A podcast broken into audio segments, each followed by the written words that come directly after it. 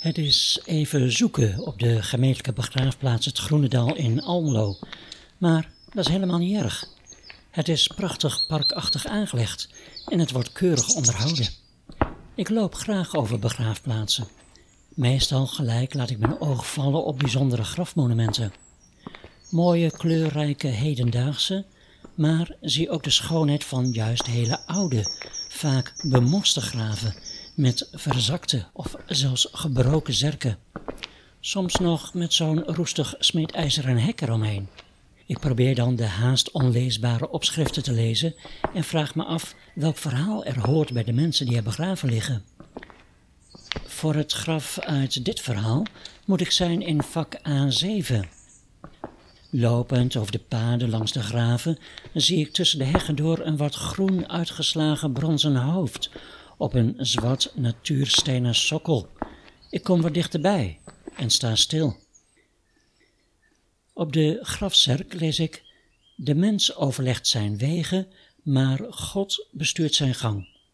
In liefde herdenken wij Berry Brugman, kunstschilder, 25 september 1915, 11 oktober 1996, Almelo, en Jannie Brugman de Vries, beeldenkunstenares, 28 oktober 1918, 16 maart 2006, Groningen.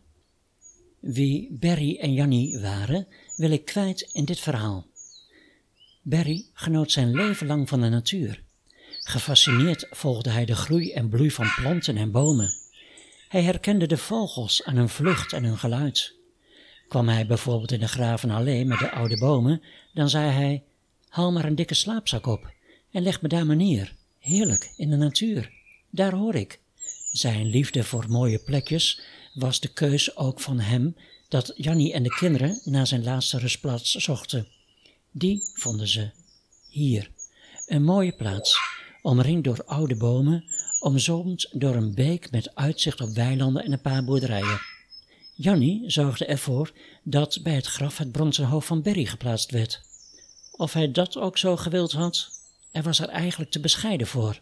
Vanwege zijn 65ste verjaardag had Jannie dit unieke verjaardagscadeau gemaakt. Berry moest er vele uren voor poseren. Hoe Berry en Jannie elkaar leerden kennen en een kunstenaars-echtpaar werden, doet wat romantisch aan. Beiden gingen als jonge kunstenaars naar de kunstacademie in Arnhem. Berry wilde beeldhouwer worden en Jannie schilder. Ze kregen belangstelling in elkaars studie. Barry ontdekte dat hij helemaal geen geduld had voor beeldhouwen. Hij miste ook de kleuren. Jannie wilde altijd al graag iets dat ze kon omarmen. En ze raakte verliefd op het beeldhouwen. En op Barry. Ze veranderden van studierichting en werden een paar. Daarom konden ze altijd zo goed over elkaars werk praten en samenwerken. In Arnhem kregen ze les van de beste docenten van die tijd. In de zomer van 1940 behaalden ze hun diploma's. Ter aanvulling op hun studie gingen ze in de eerste twee oorlogsjaren regelmatig naar Amsterdam. Zij logeerden bij Jannies neef aan de Keizersgracht. Berry kreeg in Amsterdam les in portrettekenen. Om daar wat bij te verdienen, deed hij ondertussen ook aan grafisch werk. Vaak met tegenzin, want het liefst wilde Berry vrij schilderen. Perry zag in Amsterdam de Jodenvervolging. Het speelde zich allemaal voor zijn neus af. Hij ging terug naar Almelo. Op zaterdag 6 mei 1944 trouwden Berry en Jannie in de Wezenkapel in Nijmegen.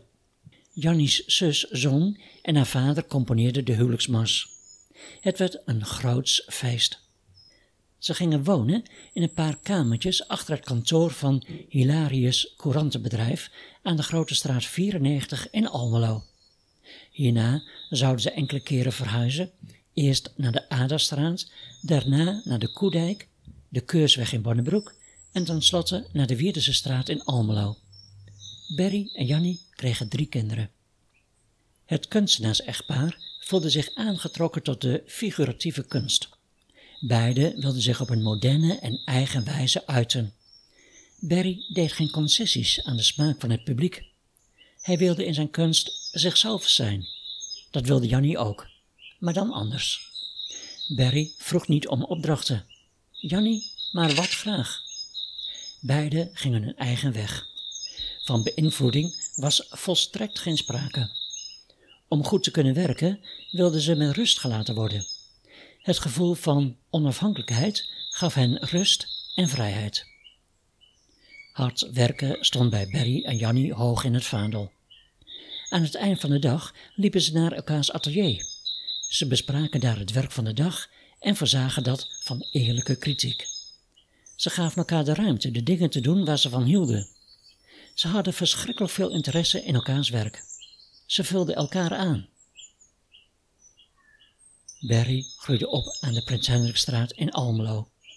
Met zijn vriendje trok hij de natuur in met een wandelboekje voor natuurvrienden van Heijmans en Thijssen. Zijn liefde voor de natuur begon al jong.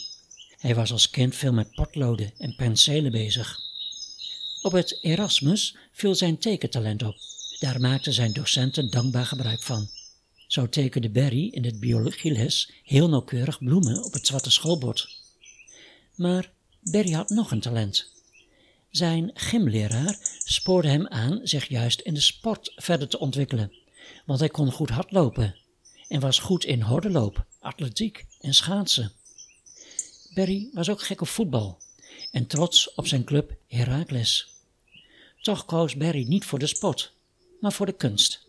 Hij voelde een bijzondere gedrevenheid. Zijn vader was daar eerst niet blij mee. Hij adviseerde om de tekenakte te halen, want dan kon je altijd als leraar aan de slag. Voor zijn diensttijd moest Berry naar Arnhem. Hij schreef zich daar als militair in voor de avondlessen aan de kunstacademie. Hij slaagde als bevoegd leraar tekenen, koos daarna voor beeldhouden, maar bedacht zich hij hield van kleur en wilde daarom kunstschilder worden. Maar het zat hem niet mee om steeds maar bezig te zijn met deze studie. Bij de algehele mobilisatie werd hij teruggeroepen in werkelijke dienst.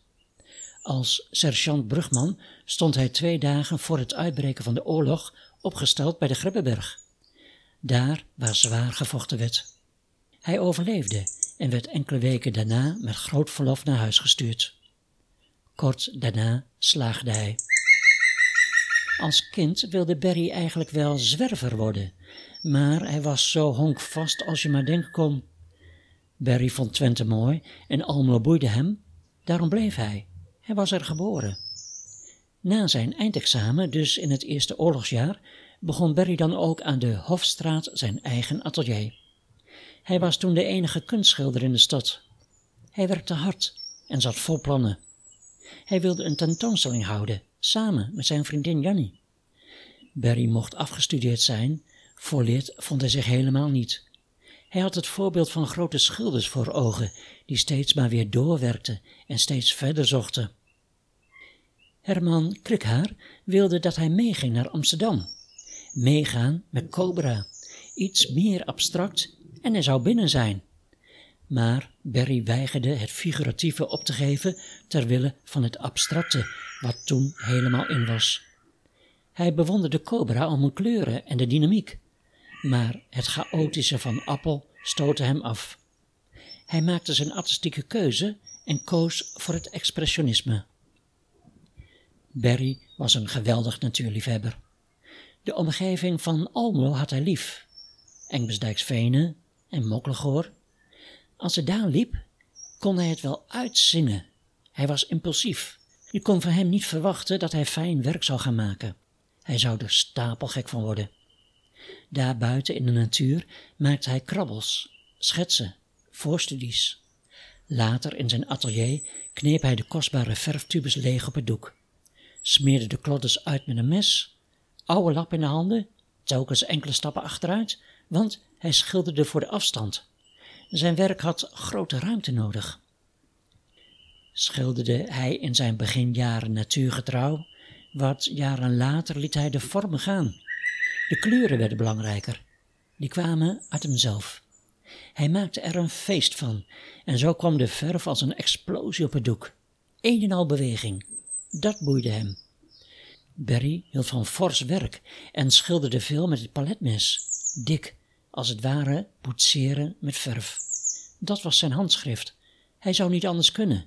Zo was hij. Hij zette zijn emotie op het doek. Geen natuurgetrouwe afbeelding, maar een verbeelding.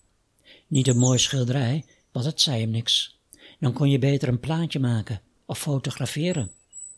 In zijn atelier was hij alleen met het doek, zijn tubus, zijn paletmes en zijn penselen. Met het liefst niemand in de buurt, want dan kon hij lekker vrij met verf knoeien. Zijn vader had gelijk. In de jaren na de oorlog was er voor kunstenaars geen droog brood te verdienen. Vaders advies om tekenleraar te worden kwam hem toen goed uit. Eerst in Koevoorde, daarna in Zetten en Hardenberg. Op zijn 55ste kwam er een eind aan het lesgeven. Barry was als een kaars die aan twee kanten moest branden. Dat ging niet langer. De dokter zei: Je moet aan de kwast. Barry was sociaal bewogen en schilderde veel ellende. Hij moest alles schilderen wat hem overkwam. Wat hem boeide en wat hem soms ook dwars zat. De Vietnamoorlog, drugsverslaving en het drama van de vluchtelingen. Als hij daarover hoorde of las, dan moest hij die op het doek krijgen. Het was als een soort afreageren in zijn werk. Zo schilderde hij ook een verslaafde vrouw. Dat was een verschrikkelijk drama. Die vrouw was helemaal aan de drank en wie weet nog meer. Ze was een oud buurmeisje van Barry. Ze stond op het station. Ze zag er heel raar uit. Ze riep zijn naam. Hij herkende haar helemaal niet. Toen keek Barry nog een keer. Ze had hem blijkbaar nodig en hij liep op haar af. Ze vroeg of Barry haar niet meer kende en noemde haar naam. Ze was in Amsterdam geweest. Het was zoiets vreselijks om haar te zien. Toen Barry thuis kwam, vertelde hij het aan Jannie. Barry was er kapot van. Jannie zei daarom dat hij haar moest schilderen. Dan was het eruit. Anders zou hij het er over twee, drie weken nog over hebben. Barry had een mateloze bewondering voor de figuur van Christus. Door de jaren heen schilderde Barry het lijden van Christus tientallen keren. Er was niets moois aan. Daarom schilderde hij dit dan ook niet mooi. Christus, een man met een kapotgeslagen gezicht, zo schilderde hij hem. Die ene Christuskop in rood en bloedrood mocht niet verkocht worden. Het was zijn meest favoriete werkstuk. Hij schilderde hem s'morgens in twee uur tijd. S'nachts was er die droom. Hij kon dat gezicht niet uit zijn gedachten bannen. Het zat precies in zijn hoofd en dat had hij nog niet eerder meegemaakt. Tijdens een expositie kwam Freddy Heineken naar Barry toe om het schilderij te kopen, maar Barry zei: Die is niet te koop.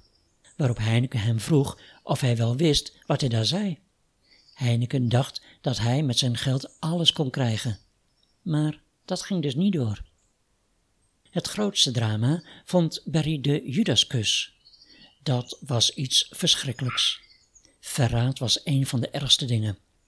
Judas beelde hij oerlelijk uit. Dikke rode lippen zoenen de Christusfiguur.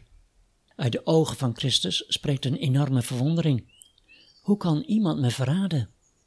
Barry vond de wereld niet zo mooi. Kijk eens wat mensen elkaar aandoen. Elke dag vermoorden mensen medemensen. Ze vermoorden elkaar om de onbenulligste dingen. Kotsmisselijk maakt hem dat. Barry's schilderijen waren een vlammend protest tegen de moord op Christus. Barry deed dat met verf, want hij was schilder, een verfman. Barry moest al dit leed schilderen. Ieder jaar weer was er een periode dat hij hiermee bezig was. Het was altijd een bijzonder vermoeiende tijd. Na enkele schilderijen was hij uitgeput. Dan wilde het niet meer. Het was moeilijk verkoopbare kunst. De meeste mensen wilden niet dagelijks geconfronteerd worden met een zo groot leed. Ze hadden liever iets vrolijkers aan de wand. Voor Barry was dat geen reden om het niet te schilderen. Tijdens zijn werk vroeg hij zich niet af of er wel kopers zouden zijn.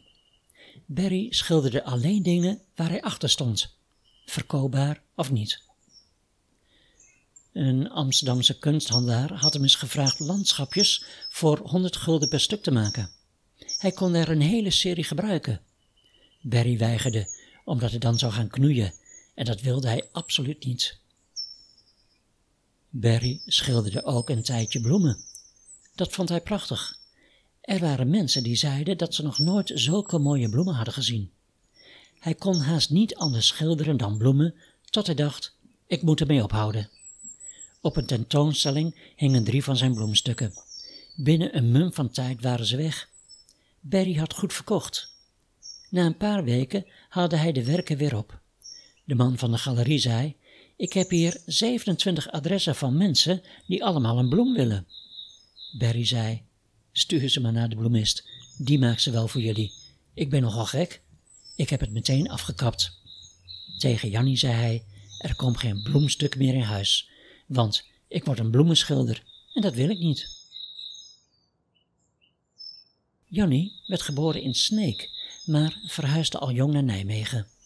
Haar ouders gaven haar alle ruimte om te doen wat ze later wilde worden, maar wel met één restrictie. Ze moest eerst iets leren waar ze geld mee kon verdienen.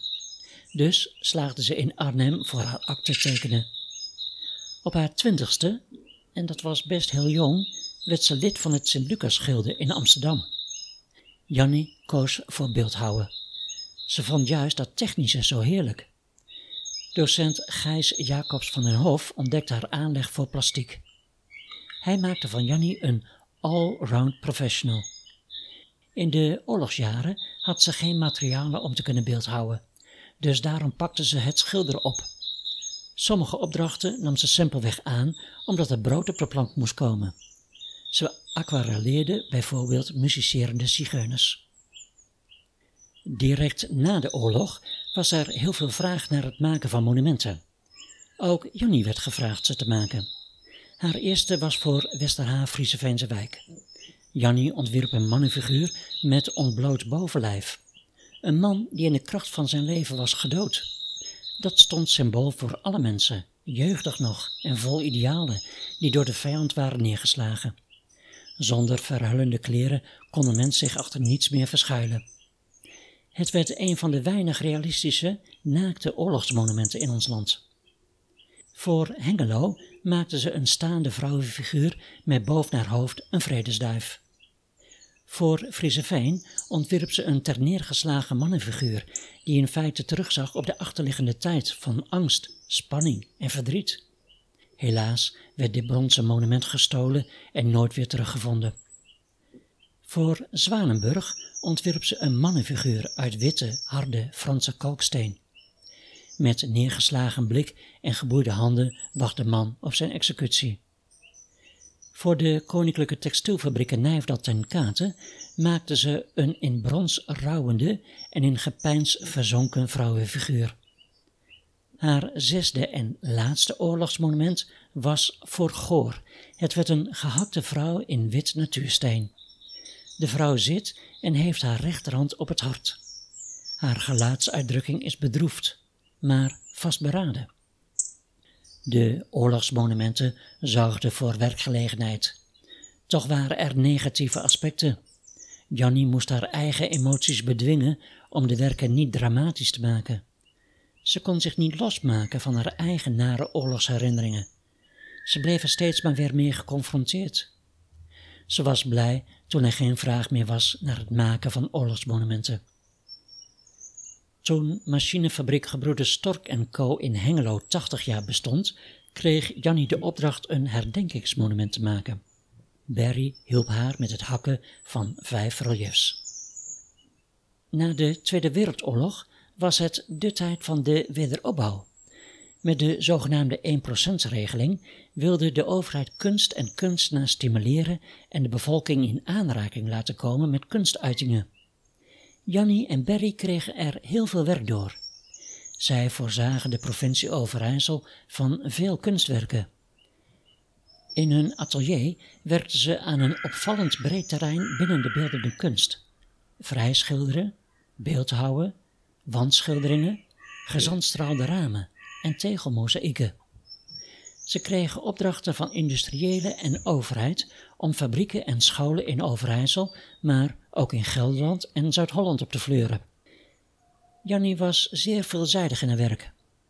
Kleurrijke glas- in loodramen met de Griekse letters alfa en omega, levensgrote realistische bronzen beelden als twee kleuters, moeder en kind, zwaan, aap met bomen Jona in de walvis en palmpozenkeelke.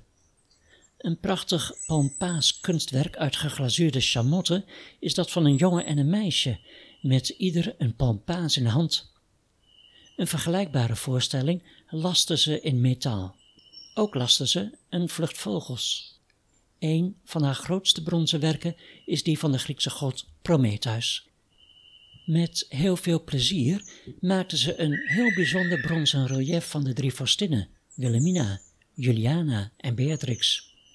Jannie hield van deze drie sterke oranje vrouwen. Koningin Juliana had ze tijdens een rondleiding ontmoet in het sanatorium in Hellendoorn. En voor het maken van dit kunstwerk, maar ook voor een plaquette van koningin Beatrix, had ze een afspraak gemaakt met Beatrix. Enkele jaren later liet ze voor enkele raadzalen bronzen plaketten schieten met de beeltenis van koningin Beatrix. Jannie werkte figuratief, maar soms ook abstract, zoals haar betonnen kunstwerk Toekomst, Verwachting en Wording en haar bronzen Energie. Met de vele beelden die ze voor Almelo maakte, was Jannie in de ogen van haar jongere collega-kunstenaars de stadsbeeldhouster. En ze hadden gelijk, want Jannie spande de kroon met maar liefst 26 kunstwerken. Door haar talent en charme kreeg ze van de voormalige gemeente Den Ham de opdracht hal, raadzaal en trouwzaal kunstzinnig aan te kleden. Ze vond het een hele uitdaging. Naast enkele plastieken ontwierp ze een groot vloerkleed. Dat deed ze eerder ook voor Almelo en Hengelo. De vloerkleden werden door enkele honderden enthousiaste vrouwen geknoopt. Een heel bijzondere opdracht kregen Berry en Jannie van de Rooms-Katholieken in Driel. De halfronde wand van het koor moest verlevendigd worden met een schildering van een visioen van de profeet Ezekiel. Zeven uur per dag, drie weken lang, stonden ze samen te schilderen. Berry en Jannie maakten er een uitbundige en blije voorstelling van. Het jaar daarop ontwierp Jannie voor de tabernakel in deze kerk nog twee bronzen reliefs. Het sanatorium in Hellendoorn vroeg Jannie of zij kunsttherapeut wilde worden, want het bleek dat TBC-patiënten door middel van creatieve therapie sneller genezen. Jannie ging kijken, sprak met patiënten, maakte kennis met de staf en het verplegend personeel en ontdekte vele mogelijkheden. 25 jaar lang zou ze naar Hellendoorn gaan om patiënten door haar kunsttherapie te helpen aan hun genezing. Natuurlijk zorgde Jannie ervoor dat het hele sanatorium tussendoor werd voorzien van haar kunst. Barry was lange tijd de enige echte kunstenaar in Almo en omgeving. Wilde je les, dan kon je dus eigenlijk alleen maar bij hem terecht. Veel Almeloers schreven in voor hun lessen en kwamen naar het atelier. Ondanks al hun aanstekelijk enthousiasme, uitzonderlijke creativiteit en grote vakmanschap, maakten Berry en Jannie geen school met hun lessen. Berry en Jannie sloten zich in 1944 aan bij het enige platform voor Twentse kunstenaars, de Twentse Kunstkring. Er heerste een gezapige sfeer. De meeste leden hadden geen moderne smaak en werkten volgens de geëikte paden. Het waren kunstenaars met hart en ziel. Berry en Jannie bleven de kring lang trouw. Ze voelden zich er goed bij. In Almelo gingen Berry en Jannie veel om met Jan Jans, Jan Gierveld, Barend Voerman, Ben Harstra, Hans Veneman, Jan Jurg, Jopie van Manen en Johan van Tijn. Samen richtten zij belangengroep Almeloze kunstenaars op. De groep streed voor een beter gemeentelijk kunstbeleid. Toen de bijeenkomsten een steeds meer politiek karakter kregen, voelden Berry, Jannie en Jan Gierveld zich niet meer thuis. Bovendien kon iedereen terecht in de groep. Er waren veel jonge kunstenaars met veel nieuwe ideeën en een andere mentaliteit. Het kunstklimaat veranderde snel. Het leek dat Berry alleen maar aversie opriep bij zijn jonge collega's. Langzaamaan trokken Berry en Jannie zich terug uit dit kunstenaarswereldje. Met de Almeloze kunstenaars Jan Gierveld, Henk Ree, Fred ten Tuscher, Leo Vierhout en Barend Voerman vonden zij dat er een soort van kunstenaarskring moest komen, te vergelijken met De Ploeg in Groningen, en met de bedoeling vooral samen te gaan exposeren. Zij richtte in 1979 de groep Indigo op.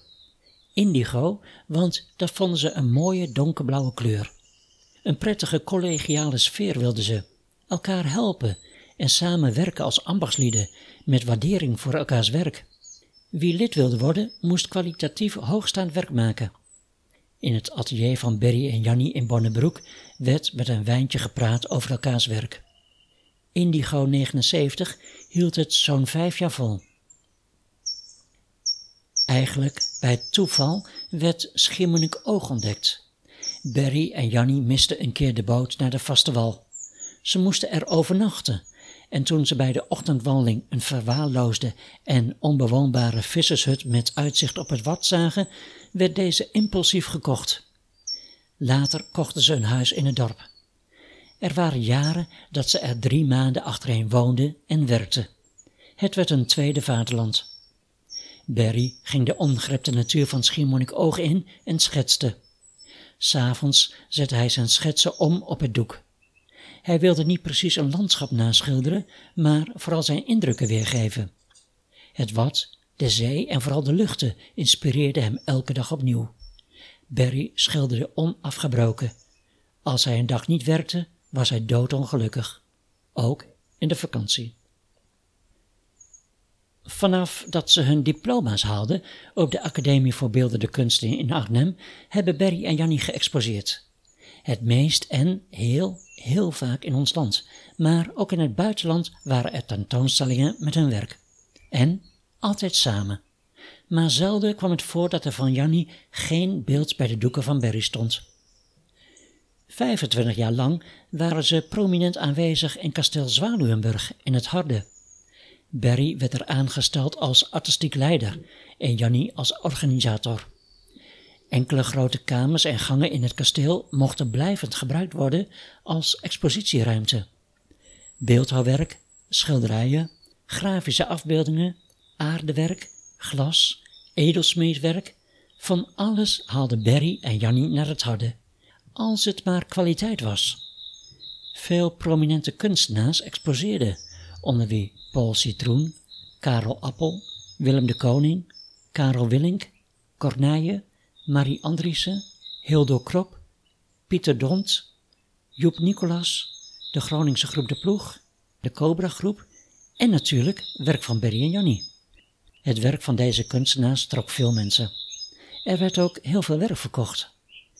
De tentoonstellingen in kasteel Zwaluwenburg kregen nationale bekendheid en waardering.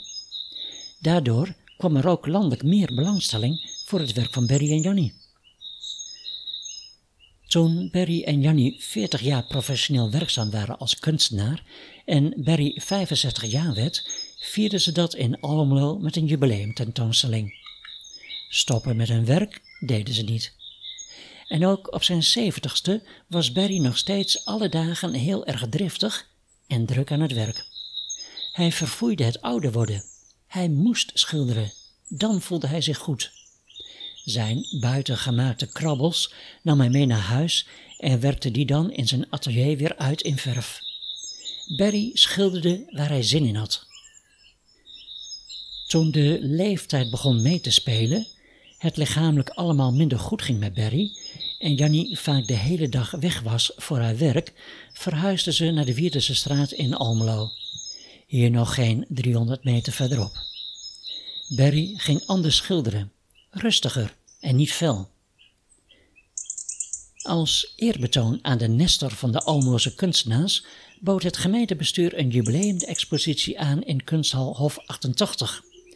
Berry was er echt blij mee. Elke dag liep hij rond en praatte hij als brugman volop met de bezoekers.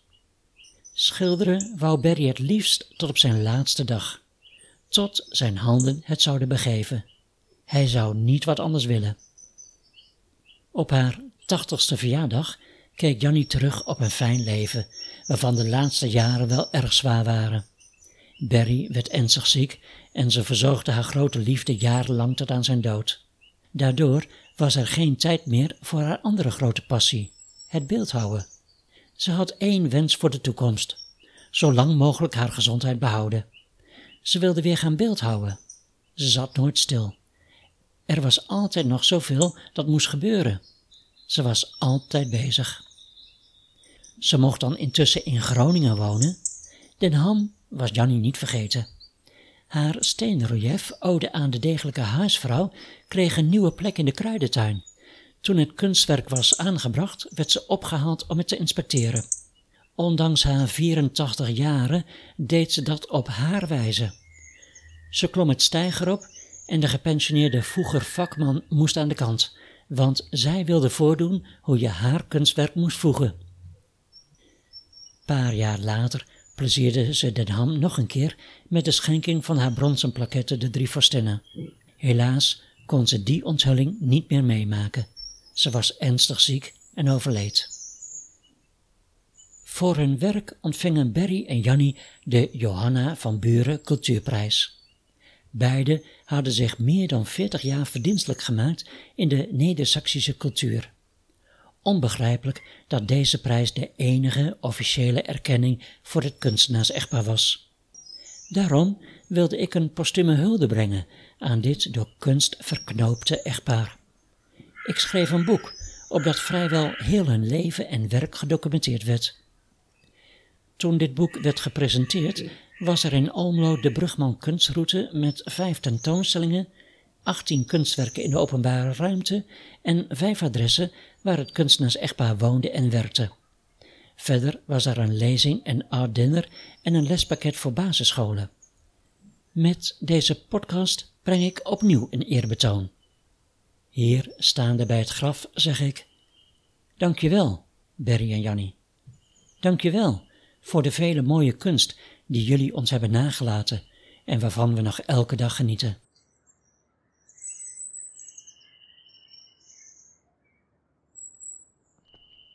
In het boek De Brugman Collectie, ode aan kunstenaars echtpaar Berry Brugman en Jannie Brugman de Vries, beschrijf ik op 224 pagina's het boeiende leven van Berry en Jannie en laat ik met meer dan 350 afbeeldingen een mooie selectie van hun omvangrijke oeuvrekunstwerken zien.